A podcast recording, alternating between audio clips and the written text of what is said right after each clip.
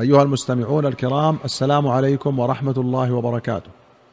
في باب عشرة النساء أخرج البخاري ومسلم رحمهما الله عن عائشة رضي الله عنها قالت كنت ألعب بالبنات عند النبي صلى الله عليه وسلم وكانت تأتيني صواحبي يلعبن معي فكن ينقمعن من رسول الله صلى الله عليه وسلم أن يختبئن وكان يسربهن إلي فيلعبن معي.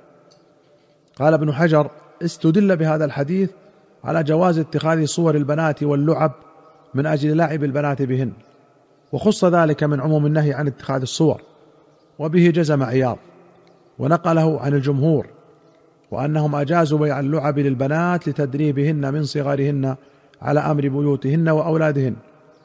قال وذهب بعضهم إلى أنه منسوخ وإليه مال ابن بطال ورجحه الداودي وقال البيهقي بعد تخريجه ثبت النهي عن اتخاذ الصور فيحمل على أن الرخصة لعائشة في ذلك كانت قبل التحريم وبه جزم ابن الجوزي وقال المنذري إن كانت اللعب كالصورة فهو قبل التحريم وإلا فقد يسمى ما ليس بصورة لعبة وبهذا جزم الحليبي فقال إن كانت صورة كالوثن لم يجز وإلا جاز.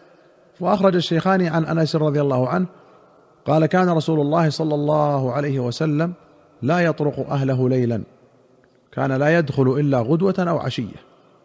لا يطرق أهله ليلا أي لا يأتيهم في الليل. وكل آت بالليل طارق.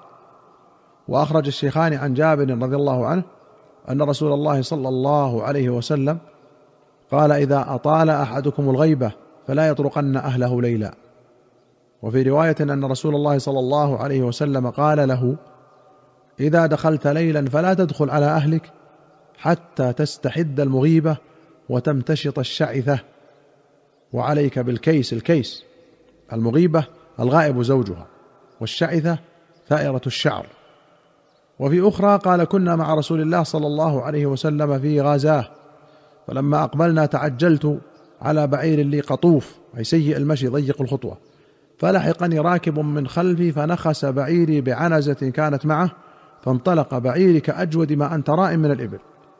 فالتفت فإذا أنا برسول الله صلى الله عليه وسلم. فقال ما يعجلك يا جابر؟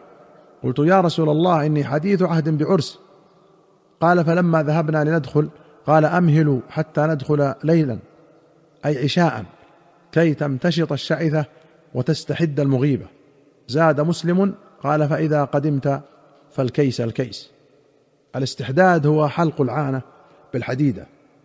وقوله الكيس قال عياض فسر البخاري وغيره الكيس بطلب الولد والنسل وهو صحيح. قال صاحب الأفعال كاس الرجل في عمله أي حذق وكاس ولد ولدا كيسا. وقال الكسائي كاس الرجل أي ولد له ولد كيس. قال الحافظ ابن حجر وأصل الكيس العقل ومنه حديث الكيس من دان نفسه لكنه بمجرده ليس المراد هنا.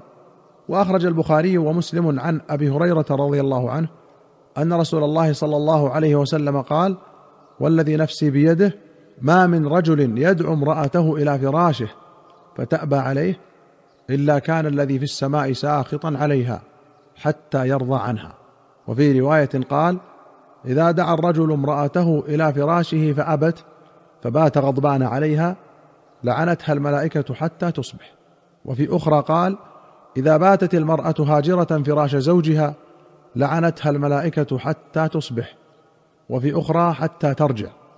وأخرج ابن أبي شيبة وأحمد والترمذي والنسائي وابن حبان والطبراني في الكبير والبيهقي في السنن رحمهم الله جميعا بسند حسن عن طلق بن علي أن رسول الله صلى الله عليه وسلم قال إذا دعا الرجل زوجته لحاجته فلتأته.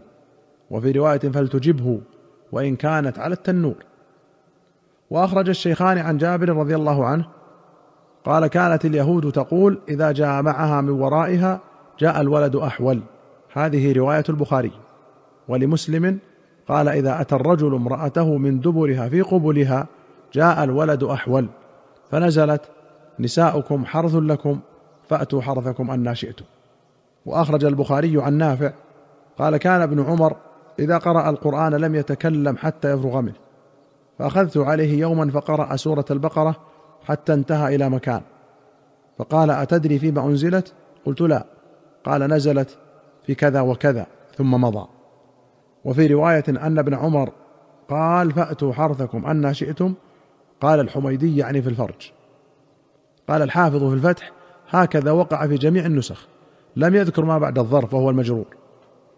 قال وقول الحميدي بحسب فهمه وسلفه في ذلك البرقاني.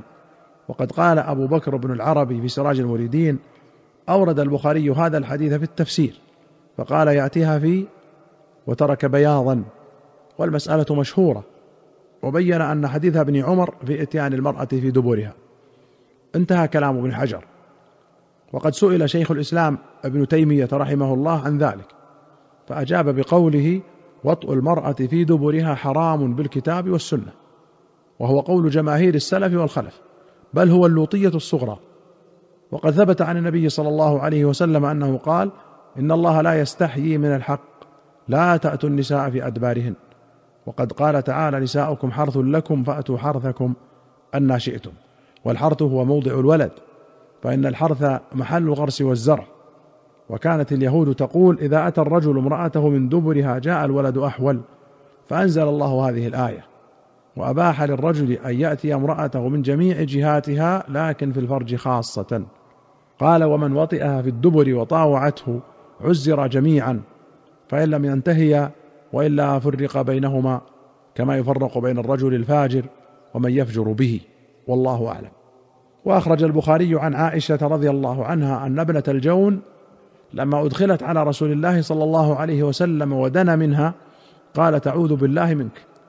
فقال لقد عذت بعظيم الحقي بأهلك. ابنة الجون هي أميمة بنت النعمان ابن شراحيل بن الجون الكندي.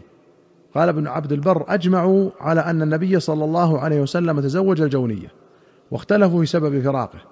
وأخرج البخاري عن أبي أسيد الساعدي قال خرجنا مع النبي صلى الله عليه وسلم حتى انطلقنا إلى حائط يقال له الشوط.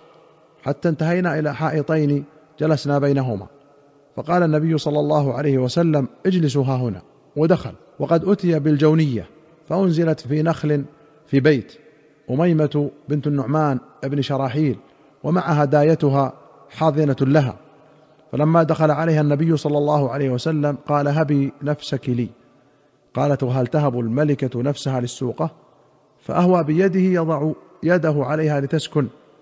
فقال تعوذ بالله منك. قال قد عذت بمعاذ. ثم خرج علينا. وقال يا أبا أسيد أكسها رازقيين وألحقها بأهلها. وفي رواية تزوج النبي صلى الله عليه وسلم أميمة بنت شراحيل فلما أدخلت عليه بسط يده إليها فكأنها كرهت ذلك. فأمر أبا أسيد أن يجهزها ويكسوها ثوبين رازقيين. قولها هل تهب الملكة نفسها للسوقه السوقه من الناس الرعية ومن لم يكن ذا سلطان. والرازقية ثياب من كتان بيض طوال. أيها المستمعون الكرام إلى هنا نأتي إلى نهاية هذه الحلقة. حتى نلقاكم في حلقة قادمة إن شاء الله. نستودعكم الله والسلام عليكم ورحمة الله وبركاته.